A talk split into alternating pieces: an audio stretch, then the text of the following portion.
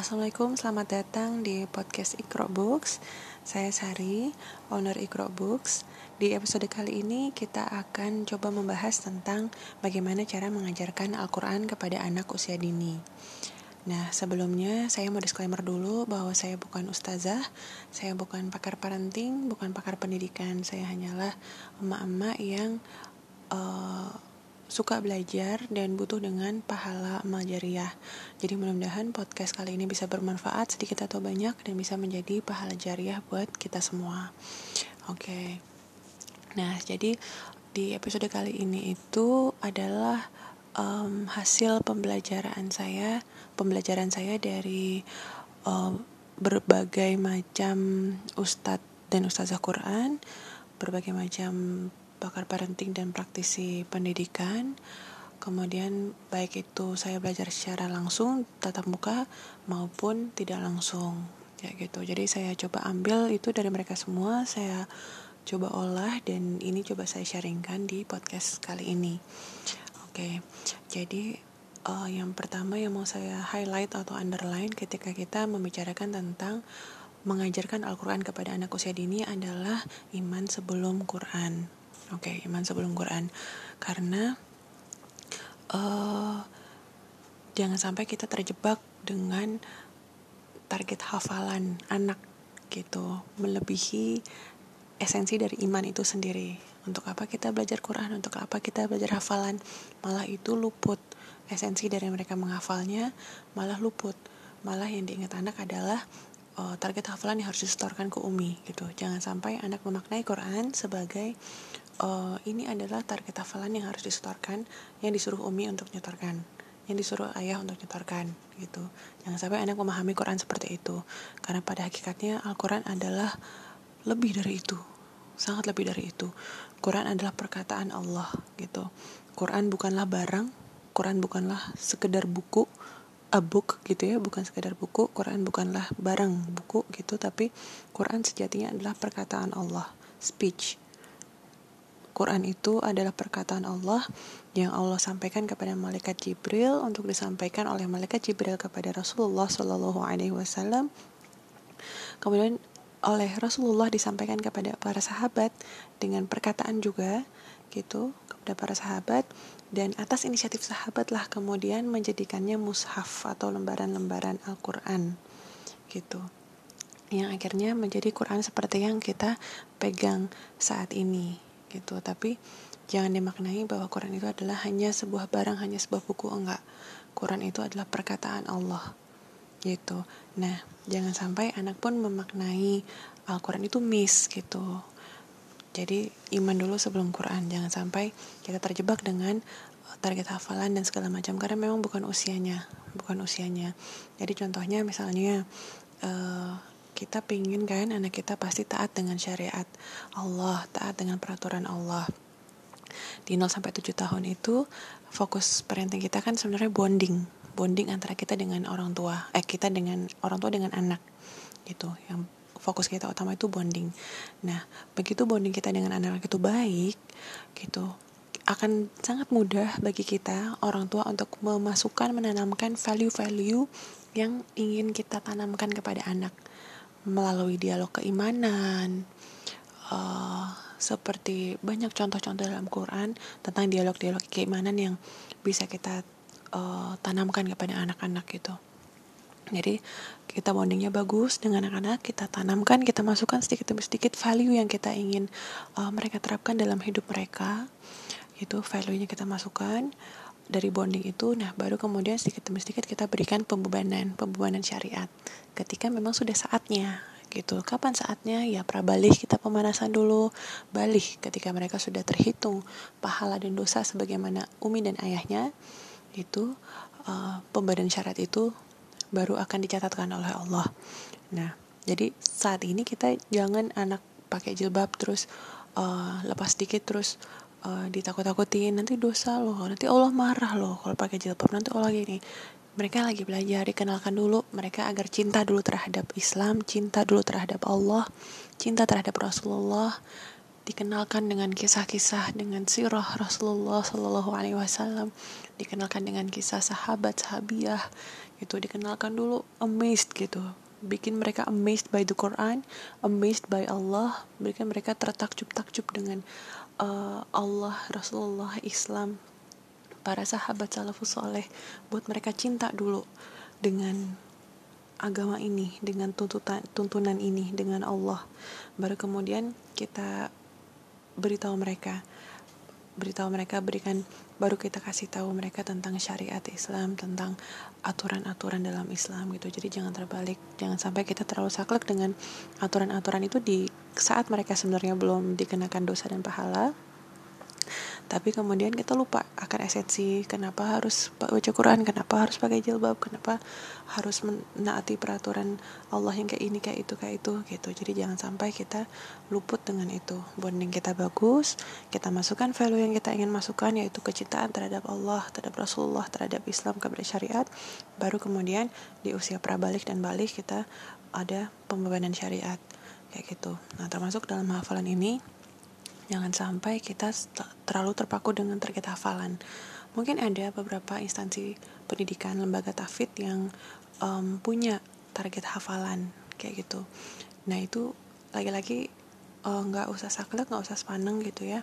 Monggo kalau misalnya emang itu um, keluargamu, kamu dan anak-anakmu nyaman dengan hal itu, monggo diteruskan. Tapi jangan sampai menghilangkan esensi dari Al-Quran itu sendiri. Gitu. Jadi jangan terlalu terfokus pada hafalan karena memang mau nggak mau otaknya anak itu saat ini lagi emas-emasnya. Jadi mereka pasti akan sangat cepat sekali menghafal Al-Quran ketimbang maknya ketimbang mak bapaknya gitu. Mereka akan sangat cepat sekali menghafal Quran itu nggak bisa dipungkiri nggak bisa dipungkiri memang Allah karuniakan sedemikian rupa. Gitu mereka akan sangat cepat sekali menghafal Al-Quran. Dan itu sangat menggiurkan karena hasilnya terlihat instan. Gitu kan? Jadi uh, di forum tasin yang eh forum parenting yang waktu itu saya pernah ikuti itu forum kecil aja. Kita saling sharing-sharing gitu. Ada seorang ibu-ibu yang um, mengatakan dia itu uh, frustasi gitu kalau melihat status um, status temennya yang punya anak. Terus alhamdulillah ya anakku bisa uh, udah hafal surat al insyirah alhamdulillah ya anak saya udah hafal uh, al ghasyiyah gitu. Alhamdulillah ya gitu. Dia merasa tertekan dengan itu bahwa ya Allah anak kamu kok belum belum bisa ngafal apa-apa surat apa-apa. Ayo ayo ngafal Quran ini hafal surat ini yuk ya hafal ini gitu. Jadi mungkin dia reaktif gitu reaktif dengan um, menanggapi menyikapi status temannya tadi itu gitu kan padahal karena memang itu menggiurkan jadi kan itu hasil yang terlihat instan. Oh sehari kita uh, talakikan kepada anak besok bisa langsung distorkan gitu kan. Beda beda dengan karakter pendidikan karakter menanamkan akhlak menanamkan iman. Itu kan terlihat uh, apa ya mungkin terlihat abstrak terus hasilnya entah kapan bisa keluarnya segala macam gitu kan. Padahal itu yang lebih penting daripada menginstalkan uh, sekedar sekedar aksesoris gitu. Bukan uh, bukan bukan aksesoris ya apa ya. Intinya itu adalah uh, ikutan dari uh, software yang sudah terlebih dahulu kita instalkan terhadap anak-anak. Kalau software itu sudah kita instalkan terlebih dahulu dengan kuat anak-anak itu pasti akan melejit banget. Kalau disuruh untuk hafalan, disuruh untuk taat, disuruh untuk uh, menyenangkan Allah, lakukan hal-hal yang Allah sukai, jauhi hal-hal yang Allah tidak sukai itu mereka akan sangat luar biasa sekali kalau software keimanannya itu sudah terinstal dengan baik dan kuat gitu di dalam hati anak-anak. Nah, ya singkat cerita si ibu ini tertekan dengan hal itu gitu. Dan kemudian oleh um, fasilitator kita saat itu diluruskan kembalikan lagi anak itu adalah titipan Allah kepada kita. Artinya urusan pendidikan anak kita adalah antara kita dengan Allah. Udah itu aja. Tutup mata dengan uh, cara orang lain menunaikan uh, amanah mereka kepada Allah. Itu juga adalah urusan mereka dengan Allah. Mencukupkan diri mencukupkan diri dengan medsos. Dan mungkin juga itu adalah efek dari sedikitnya Quran dan banyaknya medsos yang kita konsumsi sehari-hari. Gitu jadi bisa jadi gitu kan efeknya terus jadi kayak gitu. Kita kebanyakan medsos kurang Quran akhirnya kayak gitu gitu. Kita mengasihkan pembebanan kepada anak karena uh, minder dengan teman kita yang anaknya udah hafal ini tuh hafal ini itu gitu.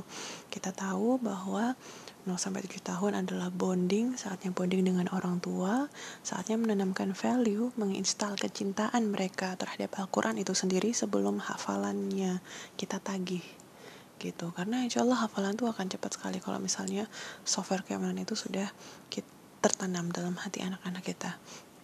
Nah oke okay, itu sekadar intro aja ya untuk apa memberikan perspektif aja kepada teman-teman. Monggo banget silahkan itu kan kita yang paling tahu kondisi anak-anak kita seperti apa. Nah kemudian ini ada beberapa uh, poin yang mau aku sharing tentang bagaimana cara mengajarkan Al-Quran kepada anak usia dini. Oke, poin pertama adalah uh, emaknya. Nah, emaknya. Tadi kan sempat kita bahas emak dan bapaknya di orang tuanya dulunya. Nah, tadi kan sempat kita bahas tentang target hafalan Quran anak gitu ya. Ada beberapa lembaga atau bahkan mungkin orang tua gitu yang juga rajin menagih hafalan uh, Quran anak dengan target kayak gitu. Pokoknya hari Selasa sudah hafal Agosiah ya kami sudah hafal ini ini ini ya. Dan kemudian marah kalau misalnya kok belum bisa sih? Emang kamu nggak ngafalin? Segala macam segala macam gitu ya. Nah uh, berlepas diri dari hal itu. Sebelum kita menagih anak kita hafalan Quran mereka sesuai target kita berkaca dulu kepada diri kita. Apakah kita sudah menyetorkan hafalan Quran kita sesuai dengan target kita? Gitu karena anak kita belum punya dosa. Sementara kita mungkin dosanya banyak sekali gitu. Kita sangat akan sangat akan butuh dengan syafaat Quran ketika di alam kubur.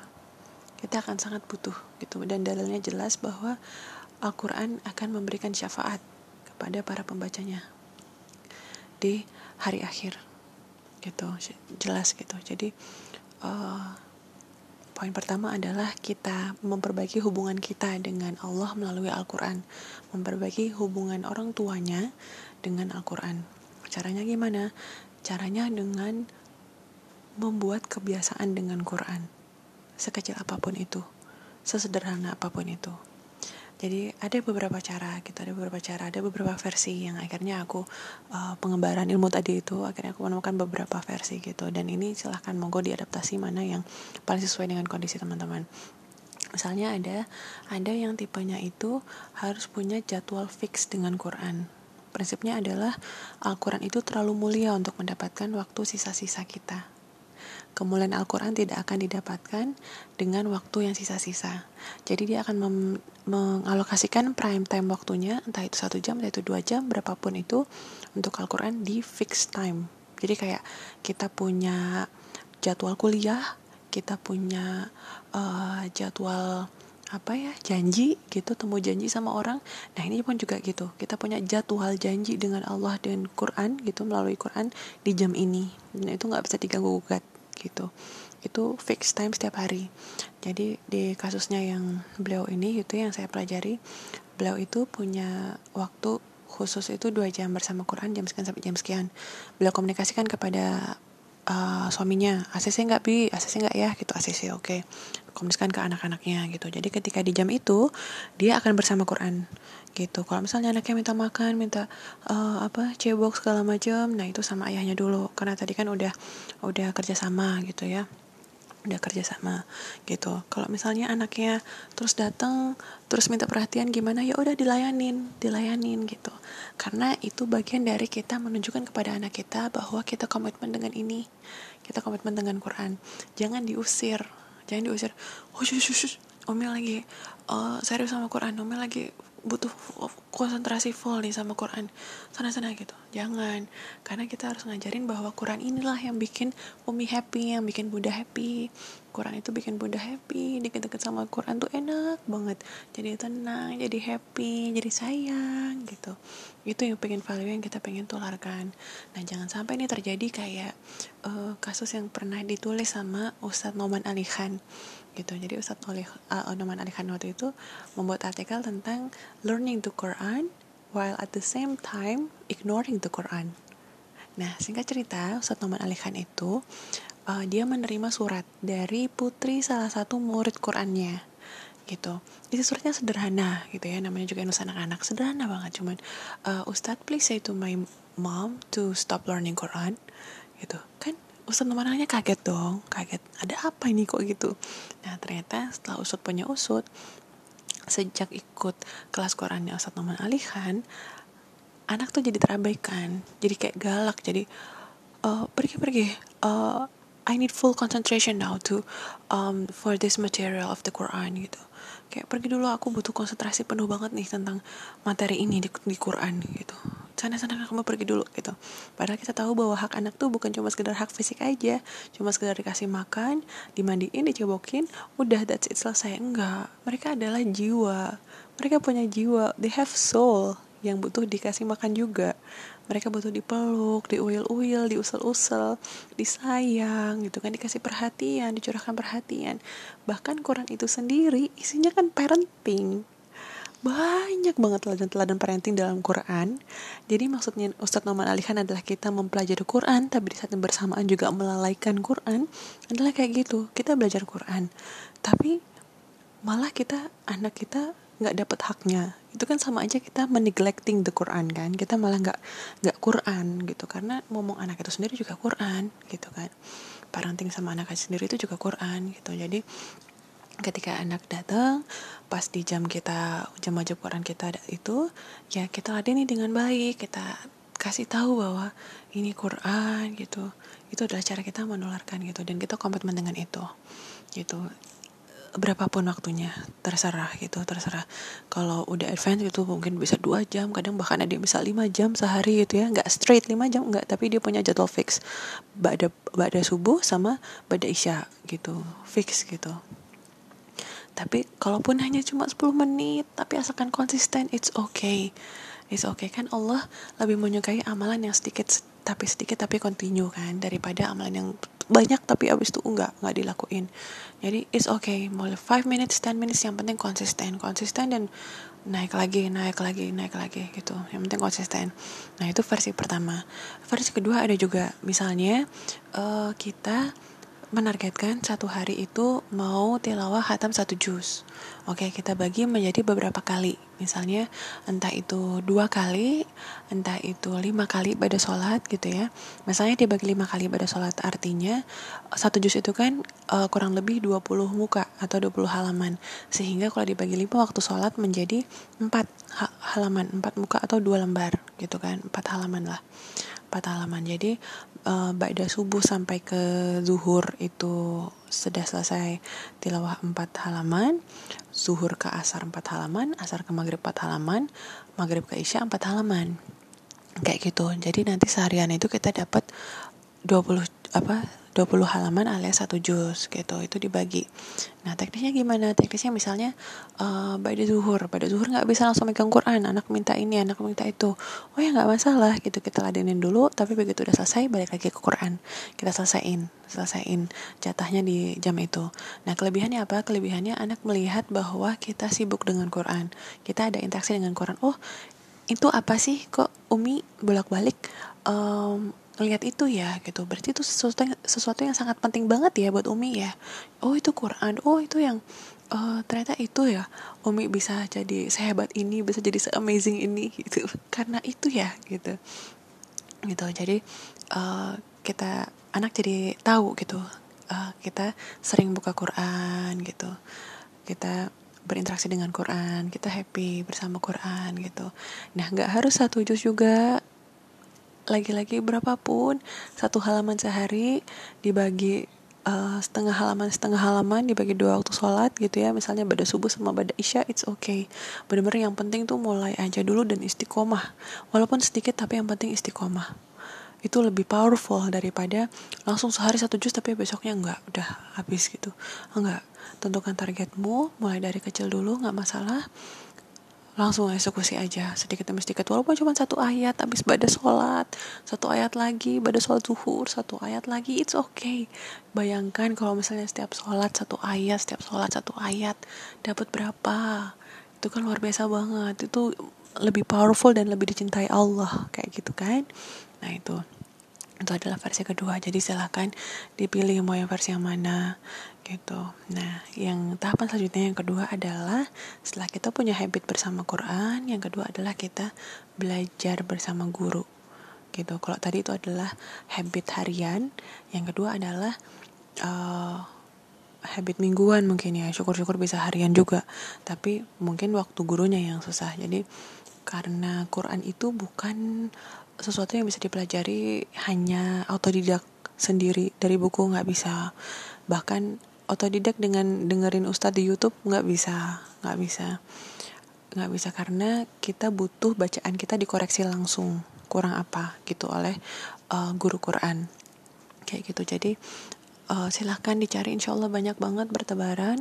Di Indonesia banyak banget lembaga-lembaga Quran yang insya Allah siap membantu.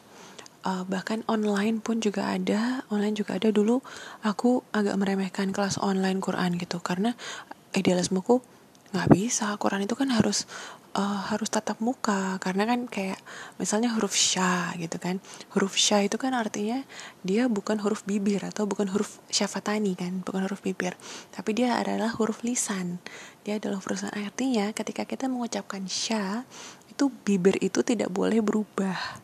Nah itu kan hanya bisa dilihat ketika tatap muka nggak bisa ketika kita cuma dari suara aja ya pasti kedengarannya sya sama aja dengan uh, bibirnya mau di monyong-monyongkan sya atau jadi uh, teorinya itu kita ngomong sa atau ngomong sya itu sama aja bibirnya gitu. Itu sama aja bibirnya. Tapi suara yang keluar itu berbeda antara sa dengan sya tapi secara penampakan luar karena dia bukan huruf bibir artinya bibir itu nggak ikut-ikutan dalam uh, mengkontribusikan keluarnya huruf sya gitu kan. Nah itu kan nggak bisa dilihat dari online dong. Mungkin bisa mungkin ya kalau kita video callan gitu mungkin bisa. Nah dulu aku agak meremehkan kelas online Tapi ketika kemudian aku apa mainnya agak jauh gitu ya Mainnya agak jauh melihat perjuangan teman-teman di negara-negara minoritas Islam tuh luar biasa banget Masya Allah. Misalnya ada seorang ibu yang dia itu um, suaminya orang uh, katakanlah Jepang gitu ya. Suaminya orang Jepang uh, beliaunya orang Indonesia gitu uh, belajar tasin nah bayangkan negara yang isinya Islamnya dikit banget Ustadz Qurannya juga adanya di kota ini jadi kota sana gitu. Dia untuk mencapai um, pertemuan tahsin yang hanya durasi satu jam itu dia membutuhkan waktu uh, dua jam. Jadi empat jam bolak balik ya empat jam bolak balik dan itu menghabiskan dana sekitar 5 juta kalau dirupiahin jadi 5 juta. Jadi ya sebanding kalau tiket mudik kali ya tiket mudik PP naik pesawat gitu. Nah itu jadi itu setiap minggu dan dia harus membawa empat anaknya. Bisa bisa kebayang nggak? Jadi ada ibu ya di negara minoritas Islam dia kalau mau belajar tahsin Quran itu harus nyetir nyetir mobil itu 5 juta itu kalau dia nyetir nyetir ya karena mungkin bensinnya mungkin terus tiket tolnya segala macam gitu ya. Nah itu beliau harus keluar begitu dengan bawa empat anaknya. Jadi bisa bayangin ya bawa empat anak ke forum tahsin yang cuma durasi satu jam bersama anak empat. Itu dapat apa sih? Gitu kan kalau kita mau mikir apa ya mau mau mikir dunia gitu ya itu dapat apa sih? Tapi Allah maha melihat kesungguhan kita. Hasil itu kan terserah Allah. Yang penting kan kita udah all out udah sungguh-sungguh. Yang penting kan kita udah all out udah sungguh-sungguh kayak mana gitu. Allah kan pasti tahu kesungguhan kita. Jadi lakuin aja udah. Terserah Allah lah mau kasih hasil lancar apa enggak lulus apa enggak tasinnya. Terserah Allah yang penting aku hadir dengan segala keterbatasanku ini. Yang salah adalah kalau menyerah duluan gitu. Menyerah duluan ah nggak jadi ngaji. Ah anak-anak pada tidur ah, anak pada ini ini gitu. Ada ada perjuangan kayak gitu gitu di muka bumi ini gitu loh. Ada perjuangan dan itu nyata itu nyata. Kadang beliau naik bis untuk menghemat gitu kan untuk menghemat dengan membawa empat anaknya gitu kan. Kalau di luar negeri mungkin lebih safe ya dibanding Jakarta apa dibanding Indonesia untuk bawa anak empat ke public space kayak gitu gitu. Walau alam ya pertimbangannya di sana gimana. Intinya itu pengorbanan beliau. Itu pengorbanan beliau untuk sebuah forum tasin yang satu kali seminggu dengan durasi satu jam. Dia apa PP 4 jam entah naik nyetir sendiri atau naik bis membawa empat anaknya dan total biaya perjalanan sekitar 5 juta. Jadi kayak ayah harus nabung dulu kayak gitu. Harus nabung dulu. Eh entah itu satu minggu sekali entah itu satu bulan sekali aku agak lupa uh, waktu itu menyampaikannya gimana. Intinya tuh masya Allah dan bisa dan bisa. Jadi uh, notabene di komunitas mereka itu akhirnya guru-guru tasinnya yang akhirnya mengajar ke masyarakat sana itu sertifikasi sama ustadznya ustadz tahsinnya itu pun juga online. Dan bisa dan jalan Masya Allah kan? Jadi sejak saat itu udah gak, gak berani meremehkan forum online. Jadi insya Allah kita yang ada di Indonesia itu bertebaran di mana-mana. Kalau mau tetap muka bisa. Kalau mau apa online juga bahkan bisa. Misalnya kita sibuk banget segala macam tuh bisa. Itu ada gitu ya. Um, mungkin bisa searching di Instagram rumah tajwid. Nah itu rumah tajwid juga ada dia yang online juga ada yang offline ada gitu. Yang offline ada yang online ada. Tuh di rumah tajwid bisa. Itu. Kemudian itu ya yang pertama tadi kita punya habit dengan Quran yang kedua kita uh, aktif belajar tasin gitu. Aktif belajar tasin uh, pasti romantis banget kalau misalnya uh, suami istri itu saling belajar tasin bareng-bareng ya kan? Walaupun itu terpisah suami dengan uh, ustadz kita dengan ustazah gitu ya walaupun itu terpisah. Ataupun kita syukur-syukur bisa bareng-bareng gitu ya. Pasti itu hal paling romantis mungkin yang bisa kita bawa ke akhirat gitu. Yang kita bisa bawa ke akhirat.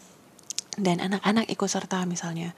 Misalnya kalau pas gelaran kita yang tasin uh, abinya yang ngurus anak-anak ayahnya yang ngurus anak-anak dibawa ke tempat kita tasin ngelihat langsung gitu ngelihat langsung gimana. Karena kok uh, apa sedikit tahu banyak itu tuh ngaruh gitu. Jadi uh, singkat cerita beberapa tahun yang lalu pas Ramadan aku sempat buka forum uh, Quran di rumah gitu. Sempat buka forum Quran di rumah.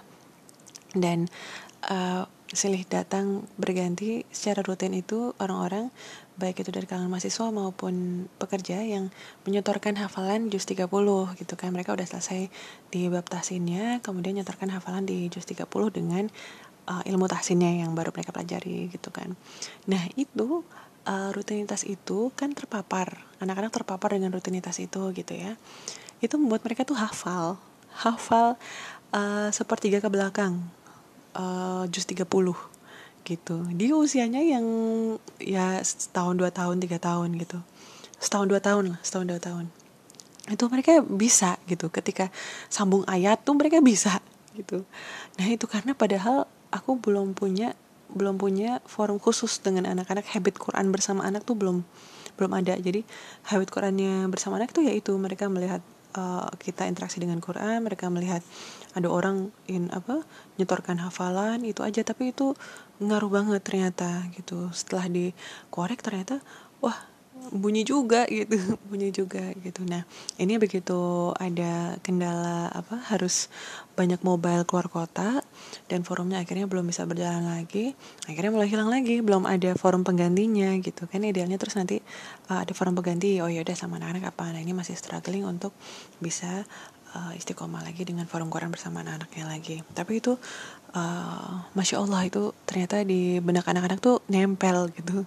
Karena lagi-lagi memang anak tuh cepet banget anak tuh cepet banget. Jadi memang kalau kita nggak isi dengan Quran otomatis kecemerlangan itu akan terisi oleh yang lain.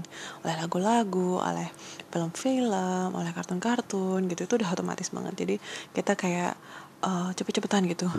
Mau anak kita didik oleh kita dengan Quran atau dididik oleh lingkungan, oleh media, oleh hiburan-hiburan di luar sana, oleh uh, everything else yang selain Quran. Kayak gitu. Jadi kita uh, kita cepet-cepetan gitu, kita masukin Quran, kita bonding kita ini Quran. Dan um, pasti akan beda antara yang ngajarin Quran itu Umi dan ayahnya, bunda dan uh, ayahnya dibanding yang ngajarkan itu orang lain gitu. Pasti akan beda bondingnya. Pasti akan beda bondingnya. Akan sangat lebih terasa kayak gitu dan mungkin memang ada beberapa orang tua yang uh, saya tuh nggak mampu saya tuh nggak mampu untuk ngajar Quran saya nggak ngerti saya nggak bisa belajar Quran baru-baru tahsin saya nggak bisa gitu. It's totally fine. Terus misalnya udah saya serain aja ke guru Qurannya it's totally fine benar-benar it's fine. Maksudnya ya itu kembalian lagi ke ke keputusan kalian ke value keluarga kalian gimana ke apa yang pengen kalian keluarga apa yang pengen kalian uh, bangun gitu kan uh, dan seterusnya. Tapi apa nggak pengen gitu ya setiap anak kita baca al-fatihah seumur hidupnya itu setiap hurufnya kita dapat kiriman pahala karena kita yang telah mengajarkan baca Al-Qur'annya, Al-Fatihahnya gitu. Apa nggak pengen gitu? Apakah itu semua uh, pahalanya mau dikasih ke guru Qur'annya gitu? Apa ya nggak nggak nggak tergiur untuk apa mendapatkan syafaat Quran dari anak kita? Anak anak seorang hafid apa seorang ahlul Quran itu kan nanti bisa menggandeng uh, bisa menggandeng keluarganya kan untuk apa naik gitu untuk naik ke surga gitu. Itu anak penghafal Quran.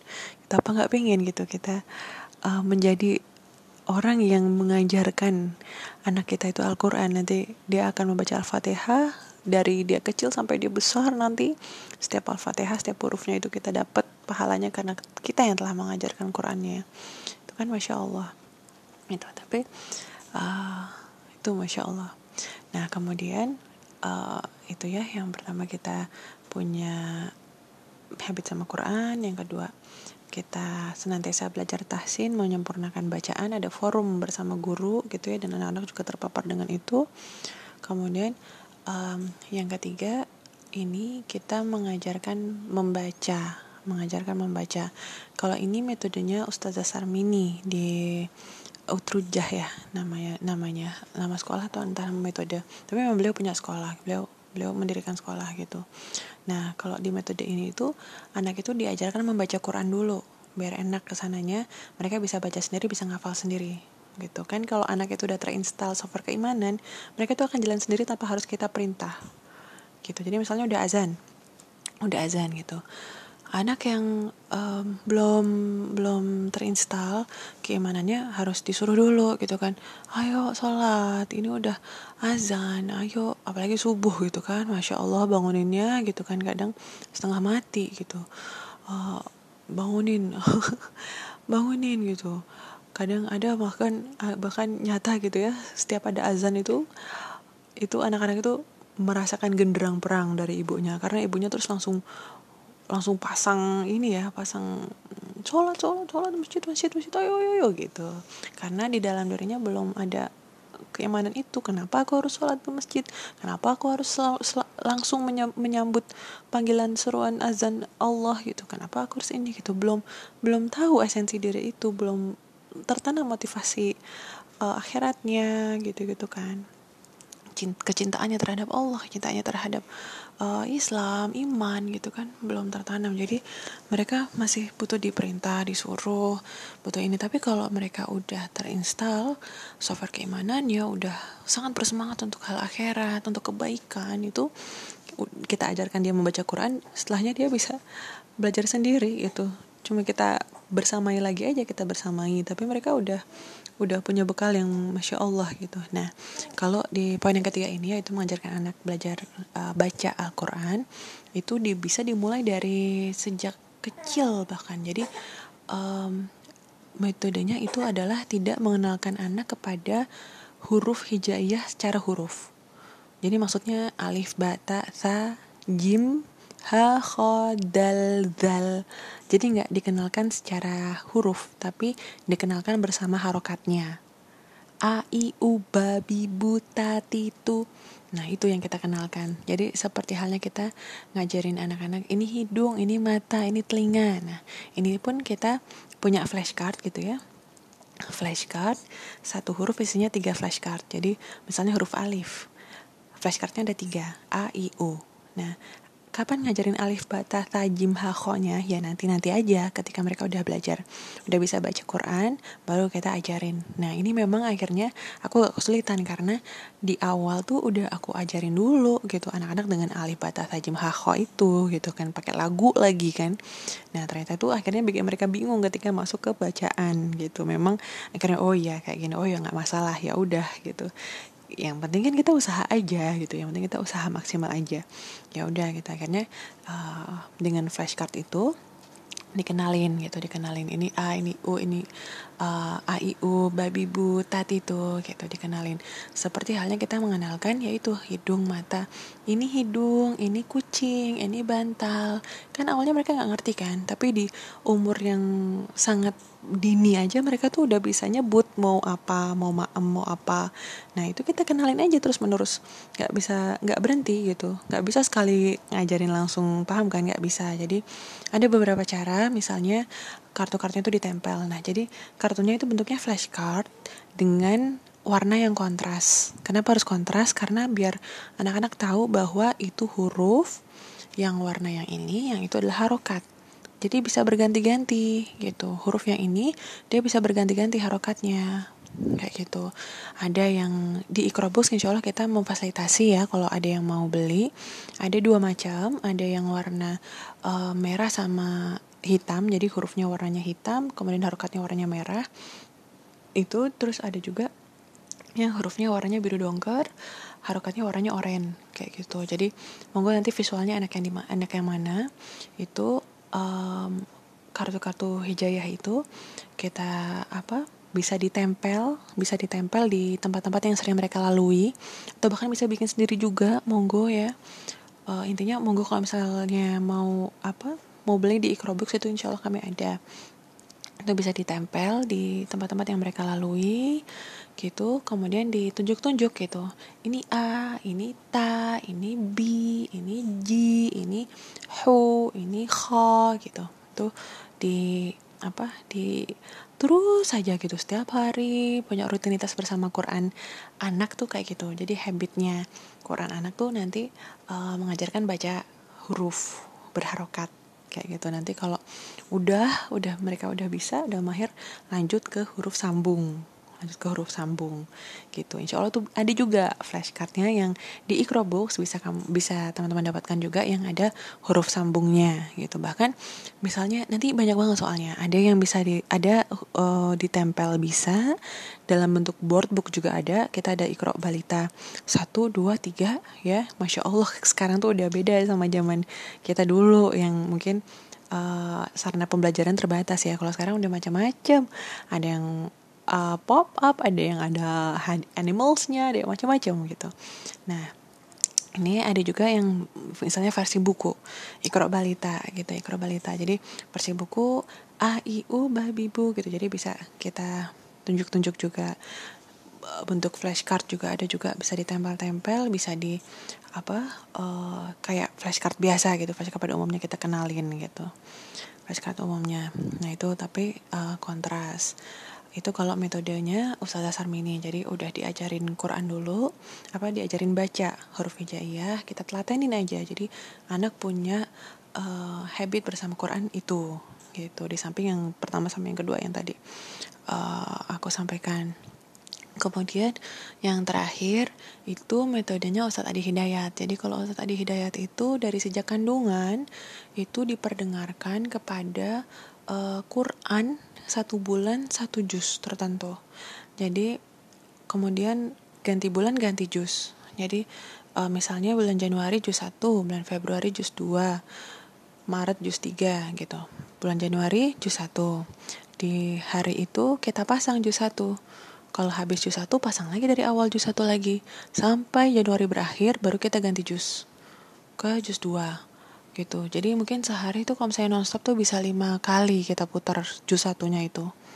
Gitu. Jadi 24 hours 7 days a week atau ya nggak harus 24 hours juga ya sebisa kita lah sekuat kita uh, menyala speaker Qurannya itu atau bahkan kita sendiri yang ngomong gitu ya kalau ibunya udah hafal Quran gitu itu kita sendiri yang ngomong itu mungkin lebih powerful juga gitu. Jadi dalam 30 bulan itu anak akan khatam tanda kutip ya khatam uh, mendengarkan Al-Quran.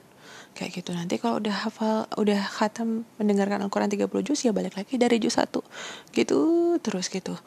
Gitu. Jadi hari-hari mereka diwarnai ketika mereka main ketika mereka enjoy ketika mereka apa itu diwarnai dengan Al-Quran. Kayak gitu. Nah metode itu terbukti efektif ya.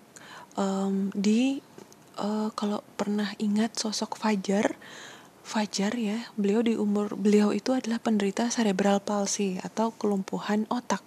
Jadi misalnya kita punya apa ada ya orang yang tangan kakinya lumpuh ya ini otaknya yang lumpuh Subhanallah. Tapi di umur lima tahun dengan cara ibunya memperdengarkan murotal Al-Quran, dia bisa hafal Quran di umur lima tahun. Bayangkan. Masya Allah kan mukjizat. Al-Quran tuh benar-benar mukjizat. Seriously. Benar-benar mukjizat banget. Nah itu beliau dengan cara seperti itu. Gitu. Jadi ibunya itu merasa apa um, tetap memberikan terbaik dengan kepada anaknya kendati anaknya sakit seperti itu diperdengarkan dengan Al-Quran diperdengarkan dengan Al-Quran. Nah di umur tiga tahun kalau nggak salah itu kok nyaut gitu. Kok nyaut sama syekhnya yang di Morotal terus akhirnya sama ibunya diseriusin diseriusin gitu kan lima tahun hafal. Lima tahun hafal. Lima tahun lima tahun dengan kelumpuhan otak. Kita udah berapa tahun? Udah berapa Astagfirullahaladzim. Nah itu itu terbukti efektif. Jadi silahkan ya teman-teman ini bisa diaplikasikan, diadaptasi gitu. Yang penting Bismillah la haula billah minta kepada Allah. Minta kepada Allah semoga dikumpulkan. Ini adalah ikhtiar kita untuk berkumpul bersama di dunia sehidup dan juga sesurga nanti insya Allah di akhirat kelak.